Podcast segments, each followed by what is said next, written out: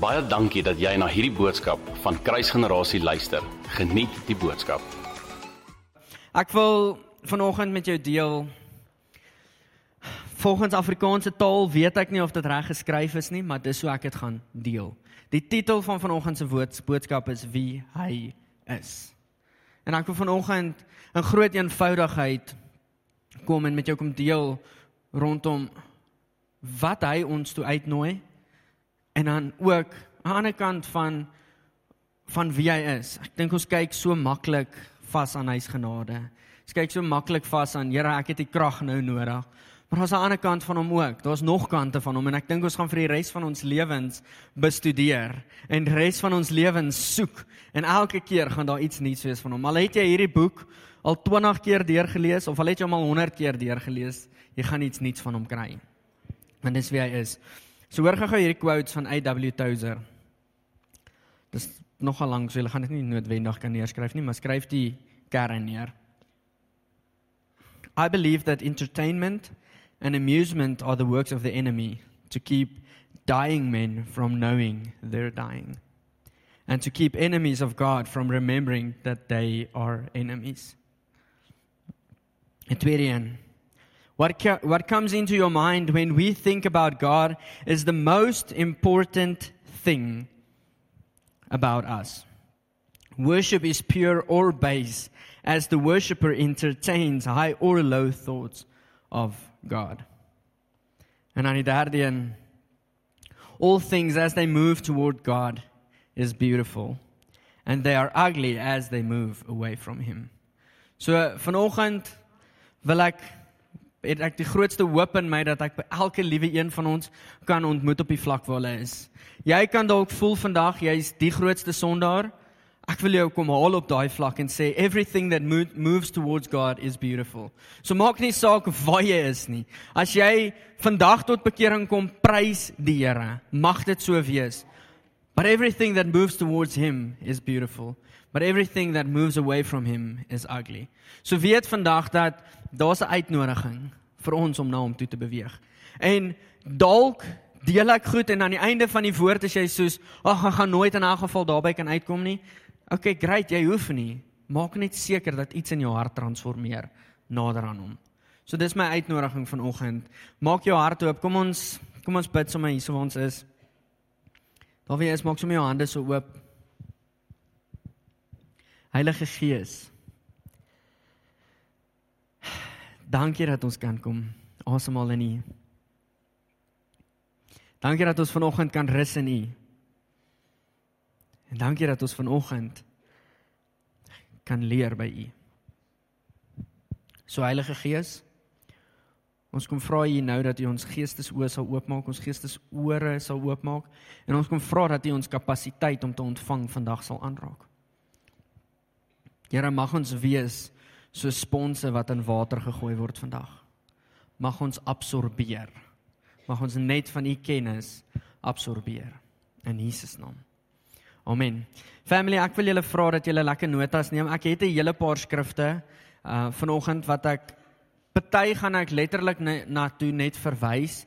Um so maak seker jy skryf ten minste die adres neer en dan by die huis wil ek jou uitnooi gaan bestudeer hierdie week. So Ek wil vanoggend ons gesels oor wie hy is en eerstens wat ek wil doen net om gou-gou 'n basis te skep, 'n 'n kern te skep van waar ons wil werk. Wil ek hê ons moet gou gaan na die tabernakel van Moses toe. So ek gaan daarna toe verwys want dit is in 6, dis in 11 hoofstukke opgesom. So ons gaan nie al 11 hoofstukke lees vandag nie, maar jy kan dit gaan kry in Eksodus 25 tot 31 en dan ook vanaf 35 tot 40. So hierso kom God en hy gee vir Moses die spesifikasies waarvolgens die tabernakel gebou moet word. So Moses word gestuur, hy moet 'n huis bou vir God. So in daai tyd het hulle nog let het hy nie die 'n fisiese huis gebou nie. Dawid het die, of wel Salomo die tempel gebou, maar hy het 'n tent toe gebou waar God se teenwoordigheid geheers het en hy het hierdie tent gestruktureer in drie dele, die outer court, die inner court en die holy of holies. So, ek gaan letterlik net verwys na hierdie toe. Anders gaan ek te veel tyd hier op spandeer. Alhoewel ek regtig dit geniet om na hierdie die tabernakel van Moses te kyk. Ek gebruik ook hierdie baie as 'n model om te gaan bid, letterlik net om myself te usher in sy teen, te stoot in sy teenwoordigheid in. So ek nooi jou ook uit om gebruik hierdie model. Dis 'n model wat vir ons gegee het. Gegee is jare in die Ou Testament. Great, trek dit deur in die Nuwe Testament toe en vat hierdie model en maak dit prakties in jou lewe. So in Eksodus 25 tot 31 sien ons die beskrywing van hierdie tabernakel. En in hierdie tent wat Moses bou van die hek af tot in die plek waar die die die cover die ark of the covenant die ark verbondsark gerus het waar God se teenwoordigheid was, is daar 'n hele klomp stappe gewees wat God letterlik tot die naaste detail vir hulle gesê het wat gevorm moet wees. Ek meen 11 hoofstukke net om 'n soos 'n huis te bou. Dis nogal detail. Dis rarig. Ek ma, ek meen Markus is wat 16 boeke. Soos hy kry dit reg om Jesus se lewe in 16 boeke op te som. Hierso is 11 hoofstukke nodig net om die tot die fynste detail dit te beskryf. So hy begin letterlik by die hek en hy gaan in by die hek, hy bes, ag bespreek dis hoe die hek moet lyk, dis hoe die heining moet lyk en dan die eerste punt is gaan deur die hek. OK, julle het hom, julle sal hom gaan kry tussen Eksodus 25 en 31. Gaan deur die hek. Die oomblik wanneer jy deur die hek is, is daar 'n uh, 'n brandofferaltaar, uh ja, the altar of burnt offerings word dan voor jou gesien. So hierso was dit nodig dat daar 'n uh, offer gebring was vir die volk sodat daar verder in die in die heiliger plekke in kon gaan. Um as 'n priester, hy kon nie in die heiligste plek ingegaan het as die volk nog sonde gehad het nie. So hierso in die buite buite area was dit waar almal welkom was. Daarso kon moes hulle offer bring. Jy het jou duifie gebring of jou lammetjie hang af hoe jy aangejaag het, het jy gebring en dan was hy daarso geslag op die brandofferaltaar. En dan verder was daar 'n koper waskom gewees, 'n bronze laver, en daarso was watering gewees waar letterlik 'n was plaasgevind het. So dit is dan nou die buitekoorts. Dit dan gaan ons in na 'n binnevertrek toe. Dit is waar net die priesters mag ingaan het. So hier mag die hele volk nou nie meer ingaan nie. Net in die buitedeel mag die hele volk ingaan het. Dan gaan jy binne toe, daar mag net die priesters gewees het. So binne in die priester, ek jaag nou 'n bietjie hiernatoe want ek wil bietjie stil staan hierso. Binne in die binne deel in uh, the inner court was daar drie goed gewees. Dit was die tafel van toonbrode gewees. Dit was die um incense altar, uh wierook altaar. En dan was daar die menorah gewees, die goue kandelaar gewees. En hierdie is die deel waar ek net vir so oomblikie wil stil staan. Terwyl ek praat, wil ek jou nooi, gaan saam met my Jesaja 11 toe asseblief. Hierdie menorah, goue kandelaar was die enigste lig gewees in daai vertrek. So dag en nag was daar geen son, daar was nie vensters in hierdie vertrek gewees nie. Dag en nag was hierdie die enigste bron van lig gewees wat in daai vertrek was. So in daai vertrek was dit nogal donker gewees as daar geen ekstra lig inkom nie. So dit was nodig dat hierdie goue kandelaar heeltyd gebrand het. So, ehm um, wanneer jy dit deurtrek Nuwe Testament toe kom teek skets dit baie vir ons die beeld van Jesus wat ons enigste lig is. Soos in daai vertrek hier, ek meen Jesus is ons, dis die enigste lig, dis die enigste manier hoe ons by Christus kan uitkom. Dit was die enigste lig wat in daai vertrek was. Vir ons om in die heilige plek te kom, ofwel vir die hoëpriester om in die allerheiligste plek te kom, was dit nodig dat die lig aan die brand was. Anders kon hy nie deelgeneem het aan die tafel van toonbrode nie. Anders kon hy nie deelgeneem het aan die wierookaltaar nie want dit was nodig dat die lig gebrand het. So daar was 2 3 manne aangestel spesifiek om hierdie werk te doen. Dag en nag moes hulle sorg dat hierdie kersse reg is, die lote brand, die kersse se vet is lekker opgestop. Daai kersse mag nie uitbrand nie. Dit was dag en nag hulle storie gewees. Hulle moes dit doen. Maar ook wanneer ons nou in Jesaja 11 gaan kyk, vers 1 tot 3, is daar 'n verduideliking van Jesus en dan die hulle dit verwys ook na die sewe geeste van God of hoe ook al jy dit wil sien seven distinctive ministries of Jesus. So hier is ook die werk van die Heilige Gees gewees. So vers 2 sê hy of kom ons lees vers 1 op. There shall come forth a rod from the stem of Jesse and a branch shall grow out of its root. So daai is baie profeties. Dan kom hy en hy sê the spirit of the Lord shall rest upon him. Spirit of the Lord dui tot dit sal hom aanstel tot koningskap. Kan nie 'n koning wees as die, as die gees van die Here nie op jou heers nie.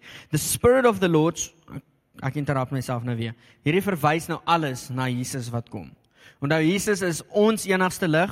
So kom ons trek daai Ou Testamentiese tabernakel. Julle is almal nog met my, né? Hierdie is die moeilikste deel, die res is maklik.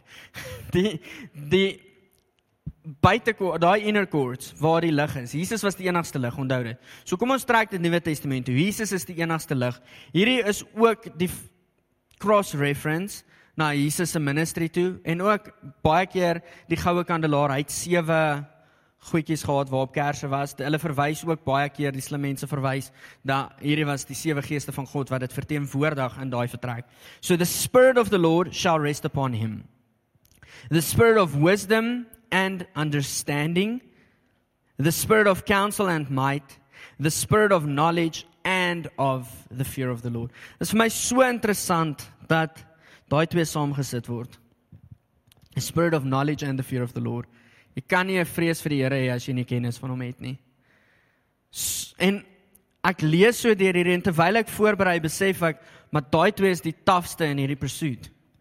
In ons journey om Jesus te volg, in ons roete wat ons volg, ons bedevaart wat ons volg om in die allerheiligste plek uit te kom, is hierdie die twee goed waarmee kinders van God die meeste sukkel. Is om kennis van hom op te bou, want mense hou nie van lees, wel ek hou nie van lees nie. En dan tweedens moet ek Bybel lees ook. Partykeer is dit vir my 'n bietjie challenging. Maar die kennis van God word so erg aangeval. Mens lees boeke, storieboeke, so 2 dae dan is dit klaar. Geef hulle 'n geestelike boek en dan vat dit 3 jaar. Want die kennis van God word aangeval. Bybel lees word aangeval. En so hand aan hand loop the fear of the Lord. En dit is vir my so kenmerkend dat Aaron en sy seuns moes sorg dat hierdie kersse brand in die heilige in daai heilige plekkie in die inner court. Hulle het nie twee van die kersse doodgemaak omdat hulle nie daarvan hou nie. Al die kersse moet brand. Enrico maak dit so 'n mooi stelling. Hy sê if you want to eat the lamb, you need to eat the whole lamb. En hier is deel van daai van Jesus wat okay, dis nie altyd so lekker nie, but we need it. Julle ons het nodig om te besef dat ons het kennis van hom nodig. Ons het nodig om te groei in kennis. Hoe groei ek in kennis? Ek gaan deur skool. Ek gaan deur ek lees hierdie, ek ek bestudeer hierdie. Ek's besig om navorsing te doen. Ek maak letterlik, ek fokus die antieke Hebreëus gebruik die piktogram van 'n oog en 'n deur. Dit wat ek sien, maak ek die deur voor oop en dit is hoe kennis dan oorgedra word. Wat ek wat ek sien, ja, so dit vorm my. So ek het nodig om letterlik te gaan bestudeer. En dan uit dit uit sien ek, o, hier's 'n eienskap van Jesus wat so bietjie kom sny. En ek is nie 'n fan van dit nie. En ongelukkig het ons op 'n plek gekom waar pas pastoor Janer het 2 weke terug so mooi gedil daai van, okay, maar die wêreld is hier en ek is net langs die wêreld, so ek's daarom nog okay. Ongelukkig het ons nou al so ge deviate van die original plan af dat Ons is okay daarmee om sekere dele net uit te sny. En julle, ek praat vandag met my, moet asseblief nie uitgetrap voel voel nie. Ek praat met my ook. Maar ons het okay geword daarmee om sekere dele net uit te sny. Aaron en sy seun se werk was om dag en nag te sorg dat hierdie lamp brand. Hierdie lamp het voluit gebrand en dit het dag en nag lig in daardie vertrek gegee. Nes Jesus ons lig is. En dan van daar af kan jy instap in die heilige plek in. So hierdie was nou alles Ou Testament. En ek hoop julle verstaan die hele prentjie. Ek gaan nou ek het daai letterlik net gelees 'n baseline. Ek wil nou na ander skrifte kyk en ek wil ons met ons deel waarheen word ek en jy uitgenooi. So as kind van God, waarheen word ons uitgenooi? So Genesis 18 Genesis 18 vers 17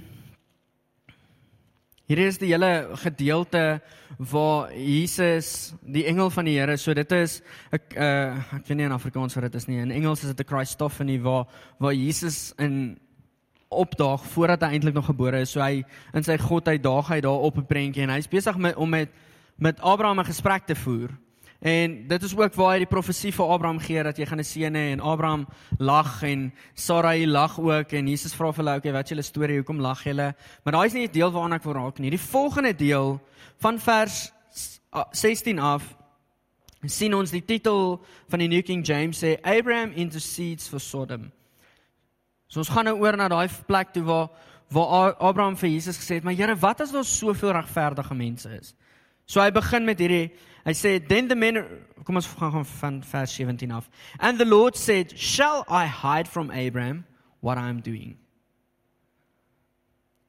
En vir 'n hele rukkie mediteer ek al hierdie hierop want God daar's 'n begeerte hy net met daai skrifversie deel hy met ons 'n begeerte in sy hart. Het hy nodig gehad om vir Abraham te sê ehm um, wat hy nou gaan doen? Nee, hy het nie. Pastor Bill Johnson Shame hy het sy vrou verloor laasweek Woensdag. Sondagoggend te preek in sy kerk. En hy maak die stelling, hy sê God werk nie vir my nie. Ek werk vir hom. Hy het nie nodig om vir my antwoorde te gee nie. Het God nodig gehad om vir Abraham te sê wat hy gaan doen? Julle? Is julle almal nog met my? Asseblief maak so dat jy wakker word net. God het nie nodig gehad om vir Abraham te sê wat hy gaan doen nie. Maar hy wou Vers 17. And the Lord said, "Shall I hide from Abram what I am doing?" Vers 18. Since Abraham shall surely become a great and mighty nation, and all the nations of the earth shall be blessed in him. So hier is die eerste ding waarna ek en jy uitgenooi word. God wil met ons deel. Die van ons wat in wat uitroep Abba Vader, wat in 'n nuwe bloedlyn gebore is, we are the seed of Abraham. So the blessings of Abraham, die belofte wat vir Abraham gegee is, word deur ons nog gemanifesteer. Ons dra dit letterlik voort nog. Ons dra dit waar ek en jy gaan, dra ons die belofte wat God oor Abraham gespreek het dat jy sal seuns hê soos die nasie, soos die sand van die see, so baie seuns sal jy hê. Ek en jy is nog deel van daai belofte wat gespreek is. So wat ons nodig het om te besef is, ons val onder daai van since Abraham shall surely become a great and mighty nation. Ek en jy ook. Wie van julle gee, dan gaan nie dit vra nie. Moenie jou hand opsteek nie, maar wie van julle gee tiende? Daarso sê hy and you shall become a mighty nation. People shall see you as a mighty nation.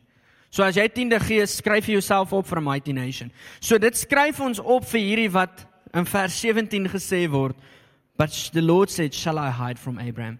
En as ons verder gaan lees, dan sien ons my het nie. Hy het aan Abraham gesê: "Jesus, Abraham, hierdie is wat ek gaan doen. Ek uh, voel Sodom se sonde is chaos. Hulle ruk hand uit. Ek is lus en verwoes hulle almal. Dis dis verby. Ek wil nie meer nie." En Abraham reageer deur te sê: "Jesus, my Here, as daar net soveel regverdiges is, sal jy hulle nie spaar nie." En raai wat? Jesus is die Vader. Ja, Jesus is soos, "Okay." En toe besef Abraham: "Jesus, maar dis dalk bietjie baie." En hy bring dit af. En Jesus reply weer deur hom te sê, "Oké, okay, as daar soveel is."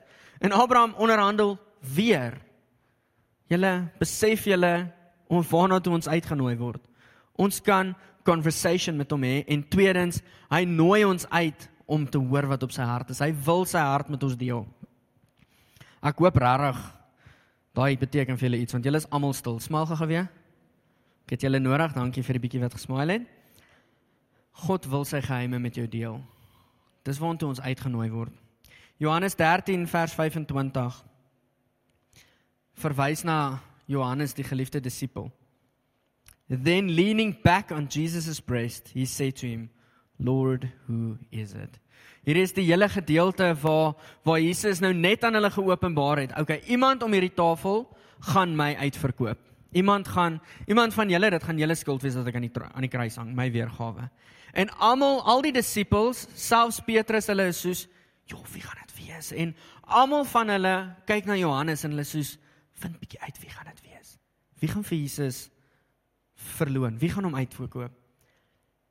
En wat sê vers 25? Then leaning back. Eerstens, dit beteken hy was daar gewees. Leaning back on Jesus' chest, breast, he said to him, "Lord, who is it?" En raai wat? Jesus reageer deur vir hom te sê die een vir wie ek nou die brood gaan gee. So daar was 'n vraag gewees en raai wat daar was 'n antwoord. Julle die Here wil met ons deel. Waartoe word ek en jy uitgenooi? Hy wil ons geheime met ons deel en tweedens ek en jy word uitgenooi om naby aan hom te wees. Ons hoef nie op 'n afstand aan die ander kant van die tafel te sit en okay wel, ons kan dit net ook doen want ons is vriende, ag, sy bruidegom, maar soos ons word genooi om soos naby te wees en teen hom te leun. Klink nie vir my of dit exciting stuff is vir julle nie. OK, hierso kom 'n radikale een. 2 Korintiërs 12 vers 2 tot 4. Ek nooi jou om saam met my te gaan soontoe. Hierdie ene kry baie baie baie teenkanting.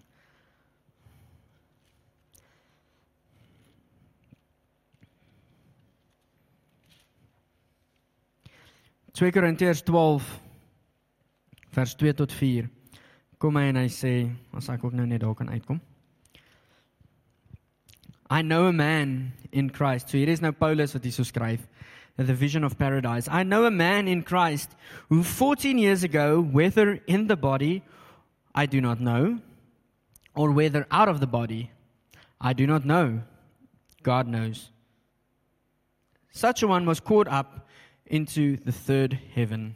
And I know such a man, whether in the body or out of the body, I do not know. God knows how he was caught up into paradise and heard inexpressible words which it is not lawful for man to utter. Okay. Besef julle kyk my nou vreemd aan. Baie van julle is soos wat het ek nou gelees. So Paulus kom hierso en hy sit nie sy eie naam daarin nie want hy skryf hierdie hele hoofstuk amper oor ek mag nie boast nie. Ek mag nie, ag kyk hoe gelukkig was ek, kyk hoe goed is ek, kyk hier nie. So hy praat hier van homself as 'n derde persoon. Hy sê I know of a man that whether in the body or out of the body. So hy's eintlik so bietjie de mekaar van soos was dit 'n visioen, was ek opgeneem? Ek weet nie, maar altyd was realisties geweest staan hy daar en hy sê, "Oké, okay, maar ek was opgetrek na die derde hemel toe." And I saw things that is unexpressible. So, kom ons bring dit weer af. Hy's opgeneem in die paradys en hy sien in die derde hemel. Hierdie is 'n verteenwoordiging van God se wat is die woord wat hulle hierso gebruik? Laat ek net gou-gou weer soontoe gaan. The highest heaven, the presence of God identifies uh, hierso is dit the place of blissful fellowship with God. So dis is daai intieme intieme intieme verhouding met God. Skielik word hy opgetrek soontoe. Hy weet nie was dit fisies of visioen nie, maar altyd was realisties. So hy soos God alleen weet, die realiteit is ek's opgetrek en daarso het ek goed gesien. Mense, maar ek mag nie daaroor praat nie. Waartoe word ek en jy uitgenooi? To see this, to to study the mysteries of God. Ek en jy word uitgenooi daartoe om hierdie mystery te gaan soek en te kan partner met dit, te kan fellowship met dit en te kan okay, maar kyk wie ek. Julle het dalk okay, nuwe Twitter of nuwe eienaar van Twitter of julle het Instagram of Facebook of TikTok of wat ook al die nuwe goed is. Kyk wat het ek. Ek kan in die gees nie eens onderskei as ek fisies opgeneem of was ek letter soos letterlik daar was ek geestelik daar visioen wat ook al nie. Kyk wat het ek. Daar's goed wat ek gesien het wat julle nie eens van weet nie. En ek het nie die woorde eens om dit te beskryf nie. Waartoe word ek in jy uitgenooi en terwyl ek so mediteer op hierdie, as ek bewus daarvan dat ek en jy word uitgenooi ek het ek het nog steeds nie die woorde nie al het ek hierdie voorberei. Ek en jy word uitgenooi om geestelik letterlik in die hemelse plekke te sit. Soos geestelik letterlik. Kom ons maak dit nou maar 'n woord. Bewus te wees van wat in die hemelse plekke aangaan. Sê die woord nie vir ons dat we are seated in heavenly places nie. Ons word uitgenooi tot dit toe. Terwyl ek hierdie voorberei hoor ek in my gees hoe dit hoe dit uitskree van Jesus Willem jy's nou besig om bietjie radikaal te word. Dis dis nie nodig om so radikaal te wees nie. Ehm um, ek ons mens het ons maar die ding van gaan bid daaroor of doen hierdie of daai. En dan dadelik word ek heeltyd gekonfronteer met die vlees wat reageer met soos ja maar ons is in 'n realistiese wêreld ook. En ons is. But we need ek meen Paulus was soos ek weet nou nie was ek realisties daar of wat nie maar ek het goed gesien. Mag dit so wees vir ons. Ons word uitgenooi na hierdie goed toe. Die hartseer deel is die kerk en ons, ek gaan sê ons ook het al heeltemal te oukei geword daarmee om nie radikaal te wees nie. Heeltemal te veel toegelaat dat die kerk geïndoktrineer word rondom moenie so radikaal wees nie. Don't be so heavenly minded, what spiritual minded, heavenly minded that you earthly no good. Soos ja ja, okay, ek wil nou net nie te veel heavenly minded wees nie. Nou nou sê hulle vir my ek's earthly no good. Man, so what? but I would rather be in heaven. Paulus sê, ek weet nie wat's beter nie. Ek het 'n begeerte om by God te wees, maar vir julle onthaalwe moet ek hierso wees. So ek sal dit met alles in my doen. I'd rather be with him. I'd rather pursue him. My persoonlike oortuiging is dat wanneer ek hom sien, my natuurlike reaksie is om radikaal te wees. Julle ons kan nie toelaat nie. Pastor Jan het die laaste 2 weke ons so uitgenooi tot dit toe. Ek het die 17de Julie Vadersdag die voorreg gehad ook ook gehad om vir julle die woord te bring. Ons word uitgenooi om 'n seën te wees. Julle weet julle wat dit beteken om 'n invitation te ontvang. Dit beteken daar's iets exciting wat voor lê. Soos 'n invitation tot 'n troue. Great, ons gaan lekker eet my liefie. Daar gaan weer lekker kos wees. Ons gaan weer nagereg vir 'n slag kry. Iets soos dit. Daar's 'n excitement wat voor lê die oomblik wanneer daar 'n invitation is. Die oomblik wanneer daar 'n invitation is, is dit soos wow. Kyk hoe special is ek. Mense soos sien my as waardig om by hulle te wees. Ek mag daar wees. Ek en jy ontvang 'n invitation om soos Paulus hierso te wees. Ek en jy ontvang 'n invitation om so bietjie aan die radikale kant te wees en ons stemme dik te maak en die vyand te laat weet luister hierso hierso het jy nie reg nie. Amen. Mhm. Mm Weet jy hoekom onthou ons en kan ons stories vertel van Moses en van Abraham en Paulus, Catherine Kuhlman, Smith Wigglesworth, AA Allen, Reinhard Bonke, Billy Graham, dis nou al die geestelike ouens. Hoekom ons stories kan vertel van hulle? Want hulle was radikaal geweest. Hoekom is daar sekere movies wat ons love? soos ek het net gaan kyk na die top movies volgens Rotten Tomatoes, Tomatoes wat ook al is die nommer 1 mo movie Thor, die iets ek kan nie sê Love and Thunder. Dit is die hoogste rated movie nou. Hoekom? Want dit is radikaal. Ek meen die ou het supernatural powers. As mense dit nou so verwys. Dis radikaal. Top Gun, dis soos buite die boks, dis soos groot, dis radikaal notebook vir van die dames. Want dit is radikaal. Want mense was radikaal geweest teenoor dit wat hulle glo. En hierdie het ek lank gewonder, moet ek dit sê, maar ek gaan dit sê. Wanneer ek met mense praat en nie net ons kerk nie, kan ek aflei dat ons mense is radikaal. Ons mense is radikaal oor seks. Ons mense is radikaal oor drank, oor armoede. Ag, ek is so arm. Armoedige mentaliteit, dis waaroor ons radikaal is. Ons kan ons stemme baie vinnig dik maak as al die goed opneem. Dis 'n bietjie meer geestelik vat. Ons mense is radikaal teenoor spontane aanbidding. Soos dit net bietjie na ons huis toe bring. Mens, ons kan ons is radikaal. Radikaal teenoor partykeer verkeerde goed geveg teen die pastoor wat Engels uit 'n Engelse Bybel uitpreek of wat baie slang praat of die koffieshop wat alweer die kerk soek alweer almal se geld of wat kry nie kos by die kerk nie. Ag, daar's 'n hele hele lys van goed waaroor ons radikaal is. En daai is dalk nou vir my was dit moeilike goed, harde goed. Veral om dit te sê, maar ons word uitgenooi om radikaal te wees teen met ander goed nie met sulke goed nie. Die wêreld sla radikaal oor hierdie goed. Inteendeel die God van hierdie wêreld het dit reg gekry om verby daai punt te beweeg en dit te draai en dit anders te laat lyk. En nou is almal skielik weer okay daarmee. Sommiges van ons het nodig om te hoor wat soos wat Paulus in Handelinge, kom ons gaan Handelinge 9 toe. Gaan vir julle Afrikaanse skrif lees.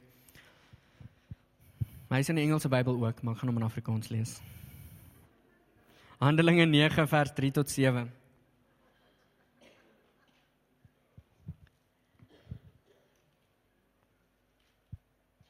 Hierso is Paulus toe hy vir Jesus ontmoet het.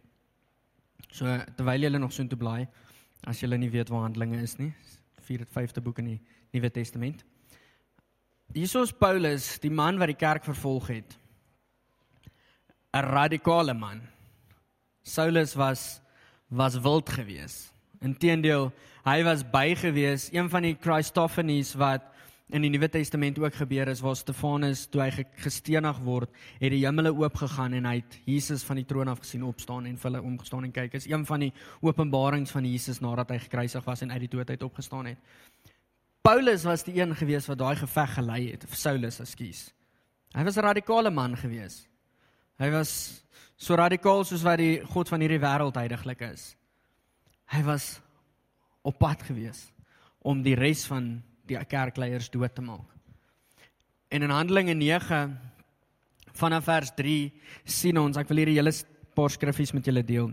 En toe hy op sy reis naby Damaskus kom, omstraal hom skielik 'n lig van die hemel af. En hy val op die grond en hoor 'n stem wat vir hom sê: "Saul, Saul, waarom volg jy, vervolg jy my?" En hy reageer toe en deur te sê: "Wie is U, Here?" En die Here antwoord hom: Ek is Jesus, die een wat jy vervolg. Dit is hard vir jou om teen die teen hierdie prikkels te skop. En terwyl hy bewe en verbaas was, sê hy: Here, wat wil U hê moet ek doen? En die Here antwoord hom: Staan op, gaan in die stad in. En dit sal en dit sal jou gesê word wat jy moet doen.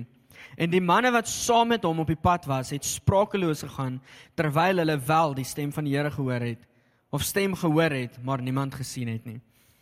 Party van ons het regtig radikaal nodig dat dit met ons gebeur. Ek sal net nou sê wat ek nou wou sê. Soos Paulus, die radikale man wat die kerk vervolg het, ontmoet in 'n oomblik vir Jesus. En sy radikaalheid het aangegaan. Want hy skryf 66% van die Nuwe Testament. Ek wil ons uitnooi Levitikus 9. Jo, julle toe ek hierdie lees so rukkie terug breek dit regtig nogal my hart en dit was ook my gebed gewees vir die laaste 3 weke vir ons dienste. So die bidders wat ons join hier agter, julle het al hierdie skrif gehoor maar mag dit net weer met jou spraak. Levitikus is nogal 'n moeilike boek om te gaan lees. Wie van julle het al probeer om Levitikus te lees, Almin? Jy het mos ook deur hom geskiep of het jy hom klaar gelees? Wat dan? Levitikus is 'n moeilike boek want daar's baie reëls. As jy hierdie gedoen het, moet jy hierdie doen en hierdie en hierdie en hierdie moet gebeur, dan sal jy weer regverdig wees. Jy het die klip te hard geskop, nou moet jy hierdie en hierdie en hierdie doen, dan kan jy eers weer regverdig wees. Daar's 'n hele hele paar hoofstukke van reëls. Vir my honestly is dit 'n regtig moeilike boek om te lees, maar terwyl ek hierdie voorberei, hoor ek hoe die Heilige Gees in my hart in fluister en vir my sê, "Maar dis hoekom daar nie meer 'n uh, vrees van die Here in my hart is nie." Want ek besef nie waarvan ek gered is nie. Ek besef nie waar wat hy deurgegaan het, wat nodig was vir hom om my regverdig te verklaar nie. Ek hardloop so maklik met die grace, met die genade. Ja, maar ons genade, deur genade is ons gered, juis. Dis juis. Deur genade, onverdiende guns. Ek verdien dit nie, is ek gered. Dit beteken nie ek float net verder nie. Dit beteken ek verander. Daar's iets nodig om te verander. Levitikus 9 22 vers 24 Then Aaron lifted his hands towards the people blessed them and came down from offering the sin offering the burnt offering and the peace offerings. And Moses and Aaron went into the tabernacle of meeting and came out and blessed the people. Then the glory of the Lord appeared to all the people. Julle ek wonder vandat ek hierdie skrifgie vandat die Here geblaas het om hom so 3 weke terug wonder ek heeltyd hoe lyk dit? Hy hulle het begin om die mense te ble, te bless. The glory of the Lord appeared to all people. And fire came out from before the Lord and consumed the burnt offerings. Jo, probeer gou-gou, waar is die kreatiewe mense? My kreatiwiteit's net so ver. Probeer net gou-gou daai hoe moes dit gelyk het?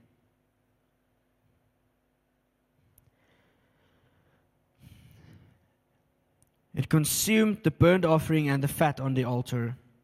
When all the people saw it, they shouted and fell on their faces. Ek wil aangaan na hoofstuk 10 toe. En dis vir my dit breek my kop om hierdie te lees. Want in hoofstuk 10 Then Nadab and Ab- Abihu, the sons of Aaron, each took their censers and put fire in it, put incense on it, and offered a profane fire before the Lord, which he had not commanded them.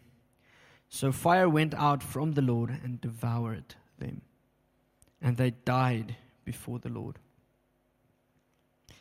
Okay, so hier het radikaal uitgedraai. In die begin nooi ek ons, "Jesus, kyk waantoe word ek nie uitgenooi." Ons word uitgenooi om 'n vriend te wees. Ons word uitgenooi om die geheime te deel en die geheime te sien. Maar daar's 'n kant aan Jesus, julle wat ons nodig het om te besef van ja, hy's liefde. Ja, hy's genade. Ja, hy's vriendelik, maar hy het ook 'n toornkant aan hom. There's a wrath side in, inside of him. Daar's 'n kant van hom van luister hier. Hierdie is die reëls. Either you're in it or you're out.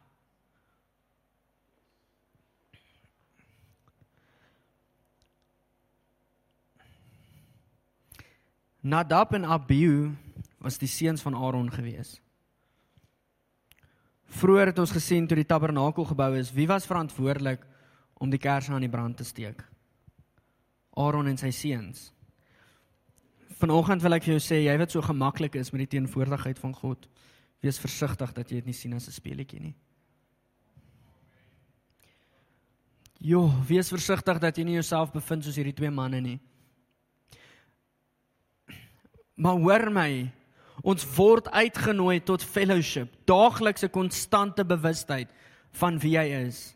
Wat probeer ek vanoggend vir ons sê? Dis nie speletjies nie. Guys, ons het nodig om te besef dat daar 'n ernstigheid rondom sy teenwoordigheid. Ons het nodig om te besef dat okay, ek kan vrylik in sy teenwoordigheid instap. Die woord sê vir ons dat hy's alomteenwoordig wat beteken daar's 'n plek waar hy nie is nie. Wat beteken die oomblik wanneer ek in sonde instap, sleep ek hom saam.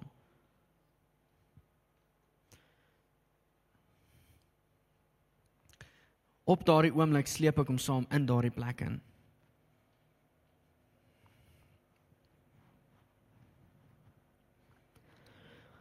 Jesus my het hulle harte nie goed gelyk nie. Ek meen hulle het wierook voor die altaar probeer brand. Dit lyk so mooi. Ja, hulle het al die regte stappe. Dit lyk mos ek verstaan nie hoekom het God dit toegelaat. Dit lyk mos of hulle al die stappe gevolg het. Hulle het toegelaat dat hulle harte vuil geword het. Idolatrous worship. Hulle het iets anders begin aanbid want in verder aan in vers 4 sien ons dat dit was 'n rebellie gewees wat gemaak het dat hulle doen wat hulle doen. Van die ander priesters, die ander seuns wat saam met hierdie twee wat nou net doodgeval het, gedien het, is die wat hulle moes uitdra. Wat beteken daai twee was soos okay, maar ek gaan nie toelaat dat daai my vuil maak nie. Hierdie is my aanbidding. Hulle het nou net die teenwoordigheid van die Here gesien. Nou net, julle gaan twee verse op. They saw all laat ek dit lees. Then the glory of the Lord appeared to all the people, and the fire came out before the Lord and consumed the burnt offerings. 'n Vers later kom die twee manne Wees versigtig dat jy wat al 50 jaar in die kerk sit, dat jy nie hierdie persoon is nie. Julle wat al worship geleer het, worship leaders, wees versigtig dat dit nie jy is nie. Ek as pastoor wil nie myself in so 'n punt bevind nie. Ons is genooi om seuns te wees. Ons is genooi. Dit voel vir my soos ek kry nie die lyntjies getrek tussen die twee nie, maar dis wat ek met julle moes deel vanoggend. En ek hoop die lyntjies word vir julle getrek. Dat daar's 'n realiteit. Ja, yes, Here, gee my woorde meer.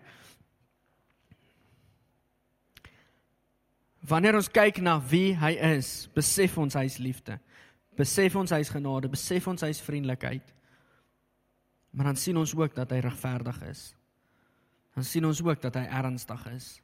Dat hy 'n jaloerse God is. 2 Korintiërs, ek dink is 2 Korintiërs 3 of 1 Korintiërs 3, een van die twee, vers 13. kom Paulus en hy maak ons deeglik bewus daarvan dat alles wat ons bring en op die tafel sit, gaan deur vuur getoets word. Het julle al gelees die woord sê vir ons dat hy is 'n verterende vuur? Dis 'n deel van hom wat ons nodig het om in te tap. Dis 'n deel van hom van hom wat ons nodig het om daar buite te gaan verteenwoordig. Want die oomblik wanneer ons nie sy verterende vuur dra nie, raak ons oukei met die sonde. Ek staar hom nie 100% soos hulle nie. Ten minste Ja, yes, ek kan nou nie eens aan iets dink nie. Ten minste gee ek nog 10de. Ek is daarom nog alright. Ten minste is ek nog nie daar nie. Ons 'n deel wat ons nodig het om te gaan wys. Het julle almal dit?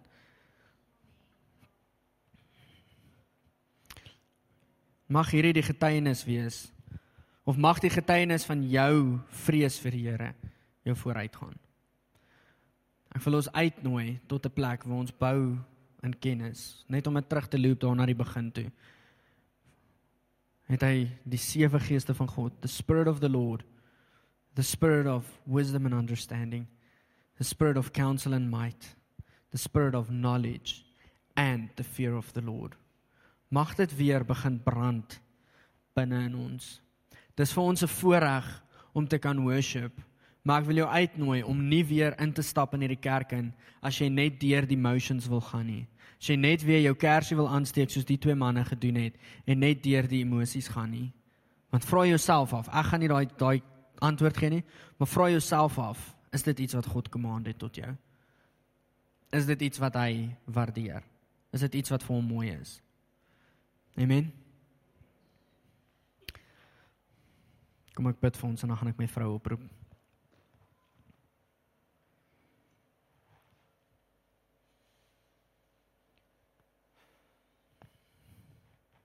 Here, dankie dat U ons as kinders vertrou.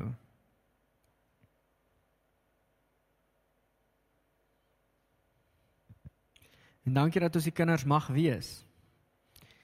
Here, en soos wat ek dit so duidelik probeer stel het aan die begin, waantoe ons uitgenooi word, is is nie styfheid nie waantoe ons uitgenooi word is nie 'n lewe van pak sla elke dag nie. Nee, waantoe ons uitgenooi word is daar's 'n daar's 'n daar's 'n geheim wat net wat die Vader net met my wil deel. Die wêreld het geen toegang tot dit nie. Here, dankie dat ons daardie geheime mag sien. Here, dankie dat ons vriendskap met U mag beleef. Here, dankie dat ons in hemelse plekke mag wandel. So Here, ek kom bid vir ons family vanoggend. En Heilige Gees, ek bid dat U hierdie woord sal kom preek in elke hart. Ek bid dat U hierdie woord sal kom vasmaak in elke hart wat vandag hierso is. Here, ek bid dat ons kerk gemerk sal wees as 'n kerk wat wat 'n vrees vir die Here het en wat nie grappies en speletjies maak van U teenwoordigheid nie. Mag daar 'n ernstigheid wees in ons harte, Here. The harvest is ready.